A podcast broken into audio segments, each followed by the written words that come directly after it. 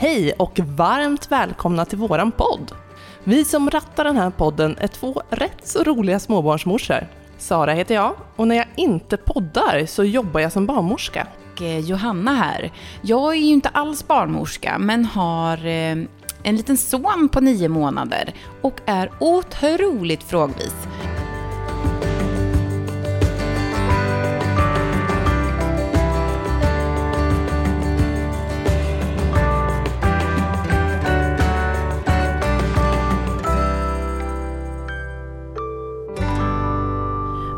Vi tänker att eh, ni som vi hade många frågor kring det här med graviditet och föräldraskap. Så med hjälp av Johannas otaliga frågor och eh, förhoppningsvis min kunskap så ska vi leda er rätt i den här djungeln. Sara, det här är ju vårt eh, första avsnitt Ja. och vi skulle vilja säga varmt välkomna.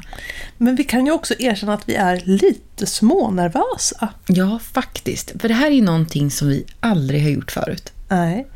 Men jag tänker att vi snackar på så som vi gör i verkliga livet, du och jag.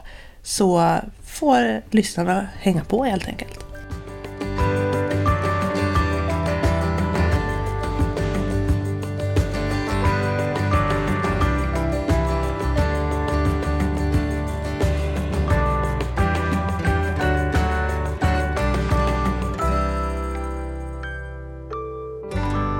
Johanna, hur kom det sig att vi började podda? Jo, jag hade ju hört det på radion för ett tag sedan. Jag vet att du kommer bli kaxig nu, men Sara har lite av en kvinnlig Morgan Freeman-röst. Ja, det är väldigt svårt att eh, analysera sin egen röst. Mm. Eh, Jag tycker alltid att man låter så konstig på ljud eller video. Jag vet, men den är otroligt bra. Och jag kände så här, de här frågorna som jag haft under min graviditet, alltså du måste ju ha tröttnat på dem. Nej, men, men jag skulle väl säga att det, det är väl ungefär de frågorna som gemene gravid kvinna ställer. Eh, och även partner. Mm. Så att eh, det är ju dumt att uppfinna hjulet på nytt varje gång. Mm. Och vi har också saknat lite, lite verklighetsfrågor. För vi kan ju känna att saker och ting är väldigt putsat annars. Ja, och framför allt kring det här med livets ovisshet och den här oron som titt som tätt kryper fram och gör sig påmind. Ehm, hur hanterar man den på riktigt? Vi tänker gå in lite djupare i det. Det här är bara några av de ämnen som vi tänker beröra under det här poddlivet. Hoppas att ni kommer att eh, tycka att det här är lika kul som vi gör. Så varmt välkomna!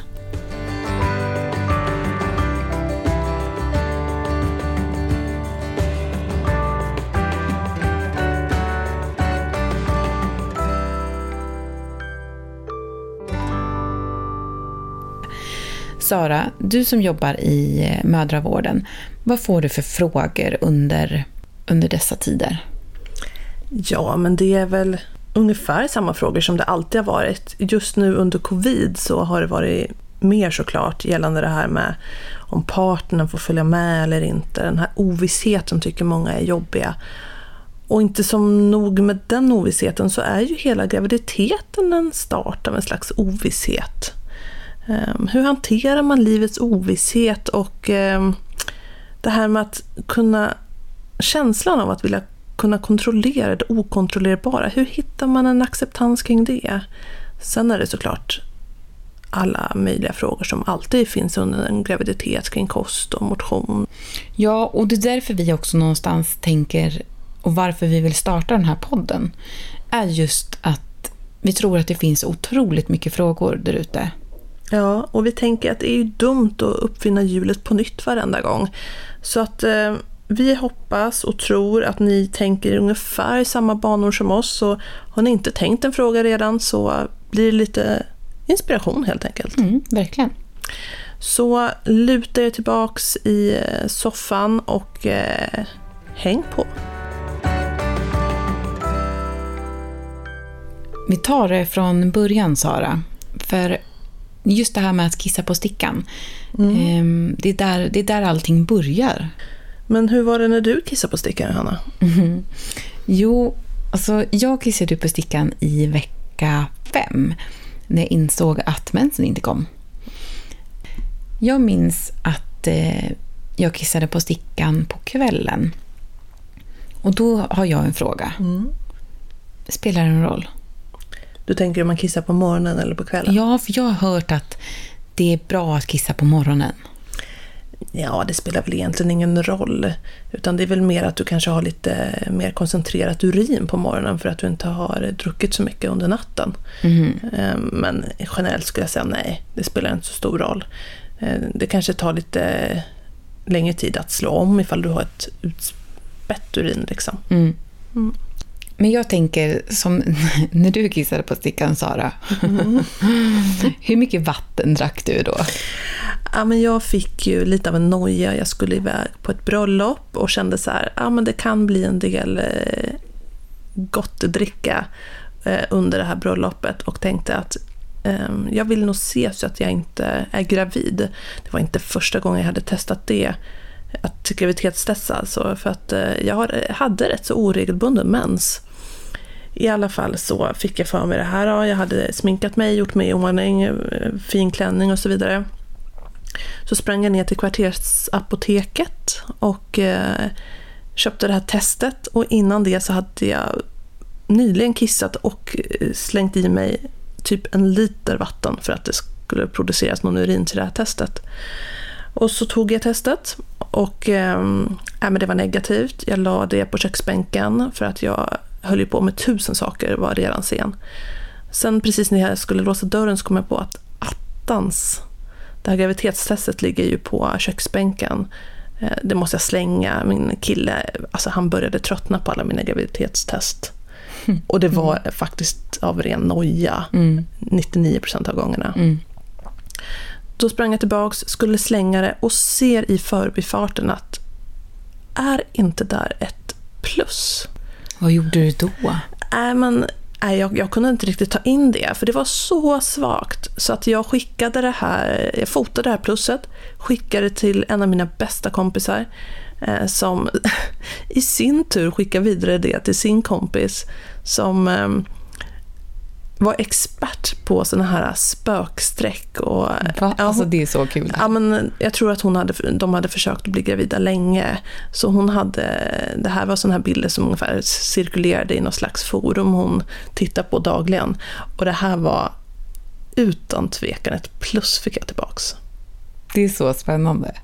Ja, jag tror inte jag förstod det riktigt den där dagen. Eh, Men, men jag drack inge, Ingen alkohol. Nej. Jag tyckte ju att det var ganska svårt, för att när jag väl hade kissat på stickan, var, var den grejen är ju en omvälvande, alltså av det resultatet man får. Så var just, det här, just den här delen att här, vem ringer jag nu? Vem, vem talar jag om för att jag är gravid? Kan inte du berätta Sara, du som sitter i andra änden, vad, vad händer när man kissar på stickan? Ja, du tänker i telefonen när man ringer in. Ja, Nej, men man ringer in till den eh, barnmorskemottagning som man vill spendera sin graviditet på. Och här gör eh, gravida lite olika. En del väljer en barnmorskemottagning som ligger i anslutning till hemmet. Och en del tycker att det är smidigt att välja en mottagning som ligger nära jobbet. Men ska jag ge er tips så är det att välja en mottagning som ligger nära där ni bor.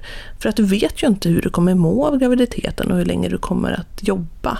Och då kan det vara långt att åka till eh, en mottagning som är i närheten av jobbet. Ja, men jag undrar, jag, är- jag är ju lite nyfiken av mig Sara. Vad säger folk när de ringer in? Ja, men de ringer in och nästan lite hostar, eller inte hostar, men stammar fram det här att jag, eh, eh, jag, eh, jag tror kanske eh, att jag är gravid. Jaha, säger jag. Men har du tagit ett graviditetstest? Ja. Och det är liksom tyst i luren oftast. Ja, vad, visar det då? Nej, men eh, det står att jag är gravid. Ja, men då är du gravid, sa jag. Och sen säger de oftast, ja, eh, jag, har ju, jag har ju tagit typ tre test, fem test. Ja, men det räcker med ett test brukar jag säga då. Ehm, och så frågar jag om de vill boka en tid för inskrivning och så gör jag det helt enkelt. Ehm, Det är lite som att de vågar nästan inte tro på det här. Men det är svårt att ta in, för man, man är väldigt, det är ju en helt ny grej. Ja, och sen tror jag att det behövs lite tid eh, för det här att eh, sjunka in. Mm. Det är inte konstigt att man eh, har svårt att... Det blir så abstrakt. Det är ett litet plus på stickan, men i övrigt kanske man mår precis som vanligt. Mm. Jag tycker det var svårt. Jag tog ju bara ett test. Nu när du säger så här, skulle jag tagit fler test? Nej, nej, nej. Men jag tror att det bara är ett sätt för oss att bekräfta och bekräfta och bekräfta mm. för att eh, det ska sjunka in. Eller mm. man kanske nojar, gud, tänk om det var något fel på första testet. Eh, men det är ju snarare så att det kanske visar falskt negativt än att ett plus är ju inte negativt. Nej. Men sen också har jag läst att man kan faktiskt gå till eh, barnmorskan och ta ett test. Absolut, det går att få gratis test på eh, barnmorskemottagningen eller på vårdcentralen eller mm. sådär. För de är ganska dyra. De är dyra. Mm. Mm. Redan när man har tagit testet så räknar man ju ut själv då i vilken vecka man är i och när, när man förväntas att barnet ska komma. Men då har jag en grej, Sara, som jag tycker, som jag någonstans aldrig riktigt lär mig. Jag tyckte det var jättesvårt. Det här med veckor. För när jag väl gick till barnmorskan, då sa hon så här, ja du är i vecka 8 plus 5. Mm. Och, och i, i, mitt huvud var jag i typ vecka 10, nej jag kommer inte ihåg, men ungefär. Jag blev ganska besviken. Ja, vi inom eh, hälso och sjukvården eh, beräknar ju fullgångna veckor och dagar medan man i allmänhet brukar prata om graviditetsvecka, det vill säga den vecka man går in i. Mm. Så är man i vecka 8 plus 5 så är man i graviditetsvecka 9. Mm. Och det jag tyckte det var svårt. Ja, sen är det lite svårt där att beräkna eller svårt är det inte, men den här formen som vi använder oss av, det förutsätter att man har en regelbunden cykel på ungefär 28 dagar. Sen mm. kan det ju variera lite om du har en längre cykel eh, eller en kortare cykel så är det den här tiden innan ägglossningen som varierar. För tiden efter att du har ägglossning tills du skulle ha fått din mens eller då kan plussa på en graviditetssticka. Det är alltid omkring 14 dagar. Så att eh, man får, man får eh, ta det här med en liten nypa salt för att exakt datum när din beräknade förlossning sker, det får du på ditt första ultraljud förutsatt att eh, fostret är tillräckligt stort för att mäta. Mm.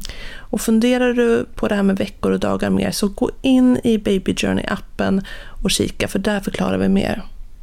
Apropå det här med ultraljudet, Sara. Jag blev ju ganska besviken när jag besökte barnmorskan första gången att jag inte fick göra ett ultraljud. Nej, det gör vi ju inte. Vi tar ju inte ett graviditetstest heller, utan eh, vi förutsätter att man är gravid. Jag tänker, vem skulle ha hittat på det?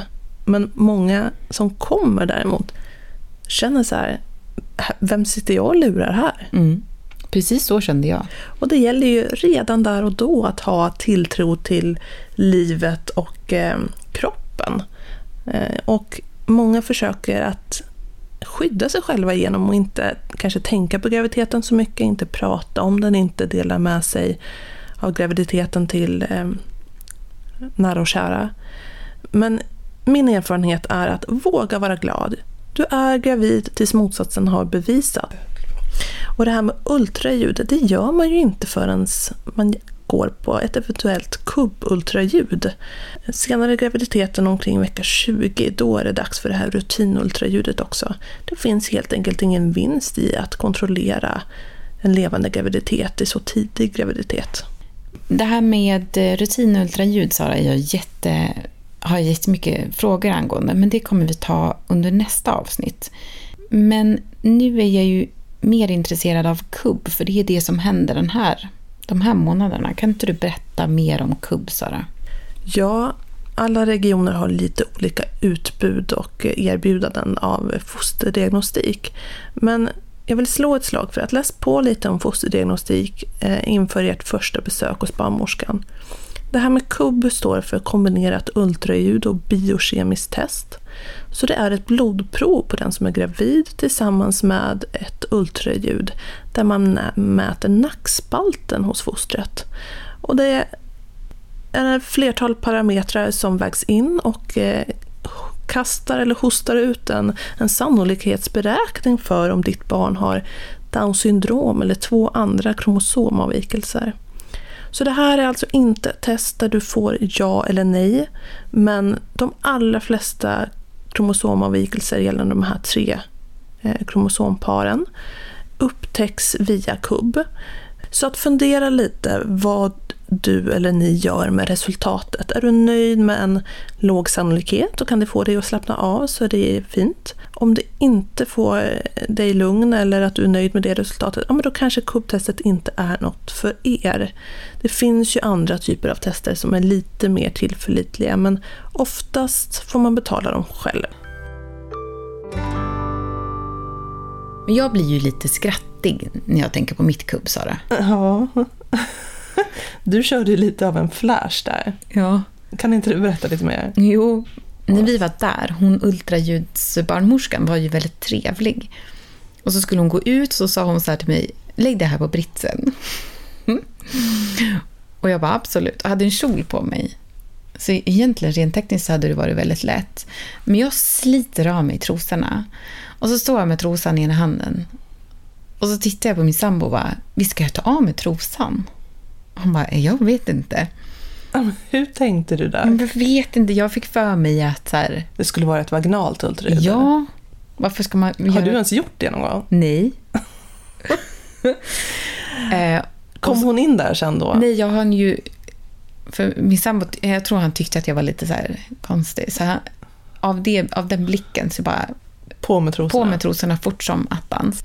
Så när hon kommer in så står jag där och bara, ursäkta, jag, jag vet egentligen inte, vad ska jag ta av mig trosorna?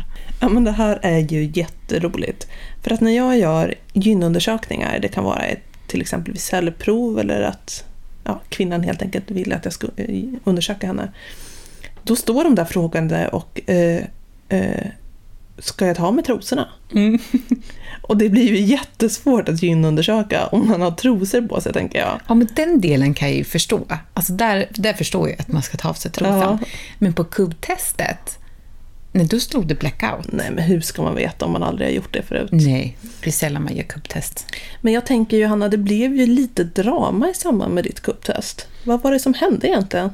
Men drama och drama vet jag inte om jag ska dra det så långt. Men däremot så fick vi ju en hög sannolikhet. Hur eh, hanterade ni det?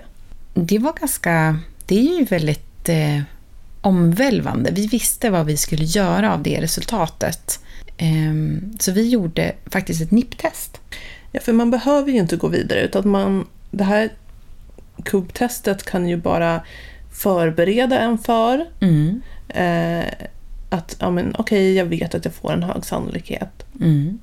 Samtidigt så kan det ju också vara så att, och det är det här jag menar med att det är bra att man tänker till lite innan. Hur vill jag gå vidare då? Vill jag göra fler test för att mer nå ett ja eller nej Mm. gällande kromosomavvikelser?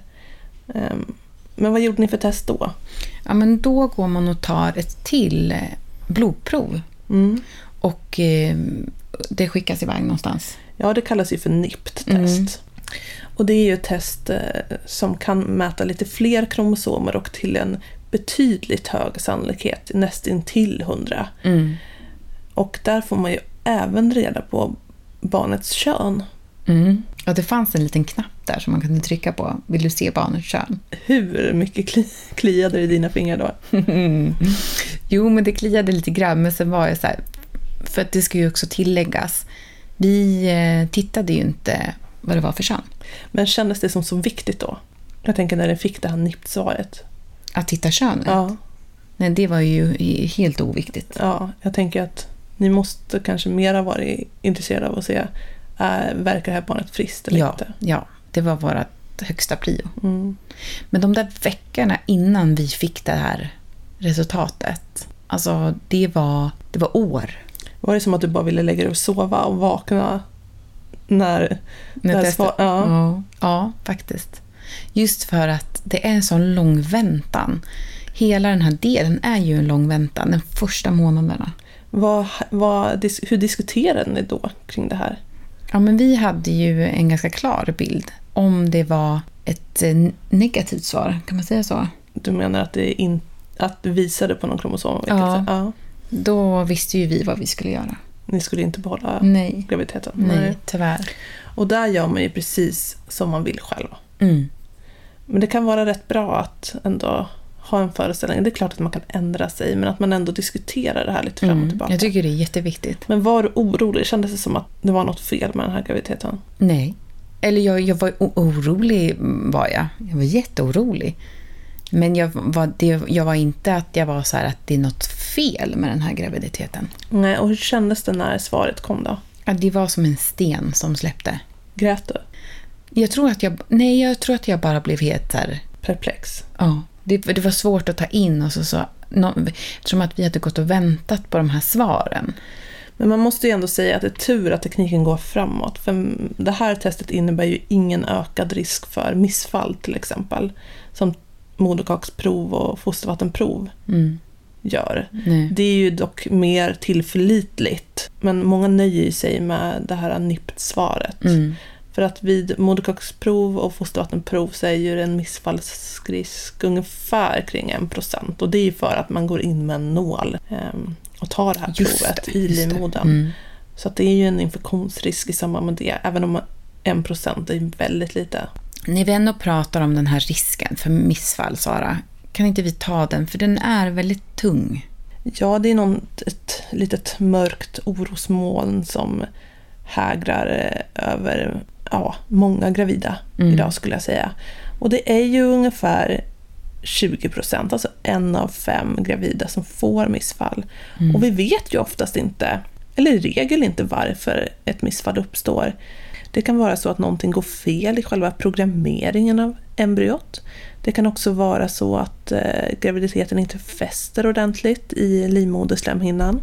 Sen ska vi också säga att i de allra flesta fall så betyder en liten blödning inte att man har ett missfall utan det är många som blöder fast om graviditeten fortsätter som ja, men, helt normalt. Och eh, den här blödningen, när man är gravid så graviditetshormonerna gör att man blir mer känslig i slemhinnorna. Det är till exempel därför som man också blöder lättare näsblod. När vi ändå pratar om missfall, Sara. Jag fick ju en blödning under mina första veckor. Är det helt normalt? Ja, vi vet ju att ungefär 20% av alla graviditeter slutar i ett missfall. Och att blöda under tidig graviditet är vanligt. Vi vet oftast inte varför man får ett missfall eller varför man blöder i tidig graviditet. Det vi vet är att graviditetshormonerna gör att slemhinnorna i kroppen blir mer känsliga. Och det är svårt att avgöra var den här blödningen kommer ifrån. Eh, om det är från livmodern eller moderkakan eller om det bara är vaginalslemhinnan som är mer känslig.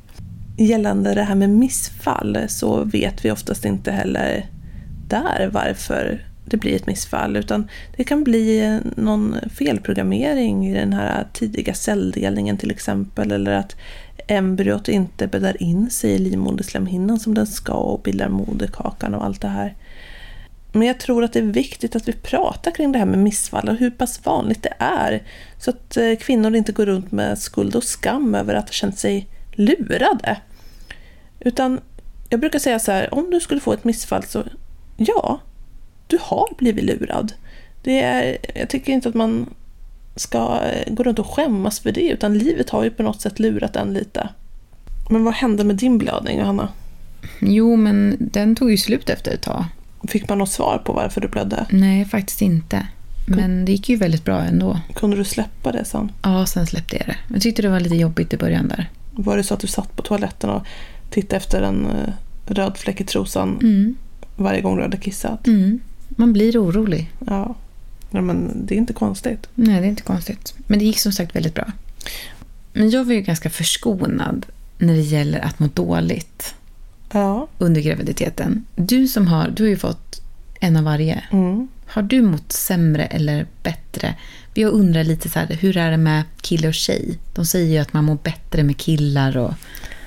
Ja, det är väl en myt. Det vi vet är ju att de här eh, kvinnorna som har ett uttalat, alltså ett extremt graviditetsillamående, där det till och med finns en diagnos för det här illamåendet, man brukar prata om hyperemesis, där är det i större utsträckning eh, flickfoster. Mm. Men nej, jag mådde prima båda gångerna. Och det är som att vi aldrig blir nöjda. Vi går och analyserar med våra känselspröt precis hela tiden.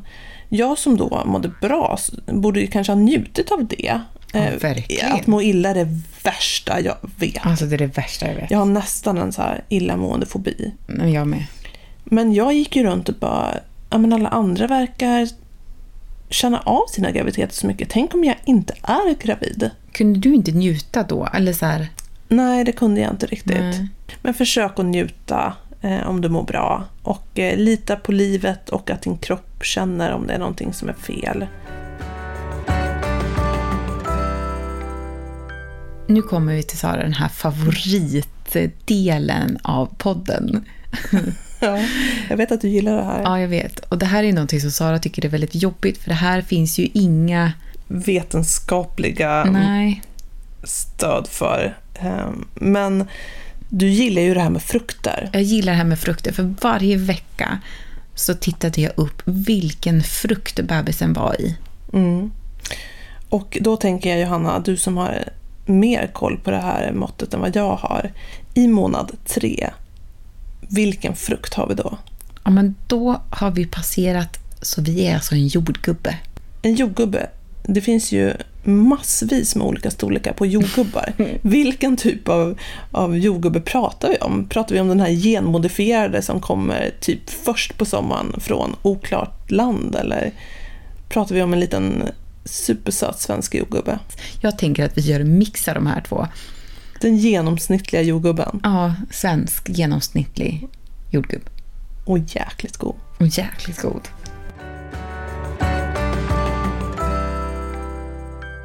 Så mina vänner, underbart det är kort och även i poddvärlden. Vi tänkte summera lite vad vi har gått igenom i det här avsnittet innan vi avslutar. Mm. Och jag tycker att det är väldigt viktigt att, eh, att nämna just det här med vart man tar vägen när man har kissat på stickan. Mm. Då ringer man till sin barnmorskemottagning och eh, hon kommer att guida dig vidare genom graviditetsdjungeln. Vi har också pratat om kubb och nipt. Ja, det här med fosterdiagnostik och glöm inte att läsa på det inför ert första besök hos barnmorskan. Jag tänker lite Johanna, vad kommer vi att eh, avverka nästa avsnitt? I nästa avsnitt så kliver vi in i månad fyra. Och du Sara ska prata om någonting som, som jag är väldigt nyfiken på och det är spökveckor. Ja, vad är det egentligen? Och eh, är det farligt att träna? Och vilken typ av mat behöver man få i sig under en graviditet? Och finns det någonting som eh, man bör vara försiktig med? Mm. Vi pratar också om alkohol under graviditeten. Det kommer att bli ett eh, fullspäckat avsnitt, så håll ut. Vi kommer tillbaks. Och är det så att dagens avsnitt har inspirerat till kanske fler frågor eller att du vill djupdyka i något ämne, så gå in på Baby Journey-appen för där finns det artiklar om nästintill allting gällande graviditet, men även föräldraskap. Med det vill vi säga hoppas att ni haft en trevlig stund här med oss idag och att eh, vi ses nästa gång helt enkelt. Eh, vi hoppas att ni är precis lika pepp som vi är. Ska vi säga som vi brukar Johanna? Absolut. Jag säger tjing tjing! Puss och kram!